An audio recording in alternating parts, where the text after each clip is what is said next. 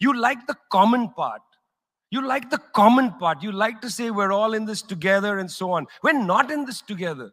The United States, 4 5% of the world's population, still uses 25% of the world's resources. You outsource production to China, and then you say China is the carbon polluter. China's producing your buckets. China's producing your nuts and bolts. China's producing your phones. Try to produce it in your own countries and see your carbon emissions rise. You love lecturing us because you have a colonial mentality.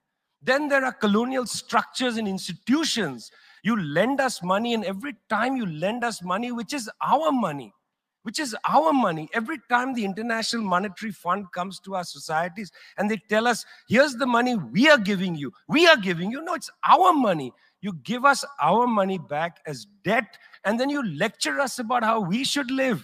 It's extraordinary. It's not just a colonial mentality, it's the colonial structures and institutions which reproduce themselves year after year after year. And let me tell you something the climate justice movement not clued enough, in, enough on this, not clued enough on this. The climate justice movement is a movement that, that says we're worried about our future. What future? What future? Children in the African continent, in Asia, in Latin America, they don't have a future, they don't have a present. They're not worried about the future, they're worried about their present. Your slogan is, We're worried about the future. What future? That's a middle class bourgeois Western slogan. You got to be worried about now.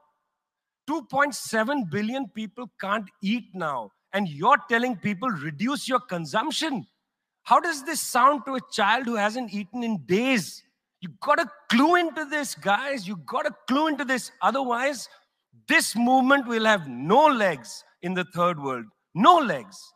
Later, I'd like to tell you about the International People's Assembly, a network of 200 political organizations that we're setting up, rooted in the global south. We want to tell you what our issues are, but are you willing to listen?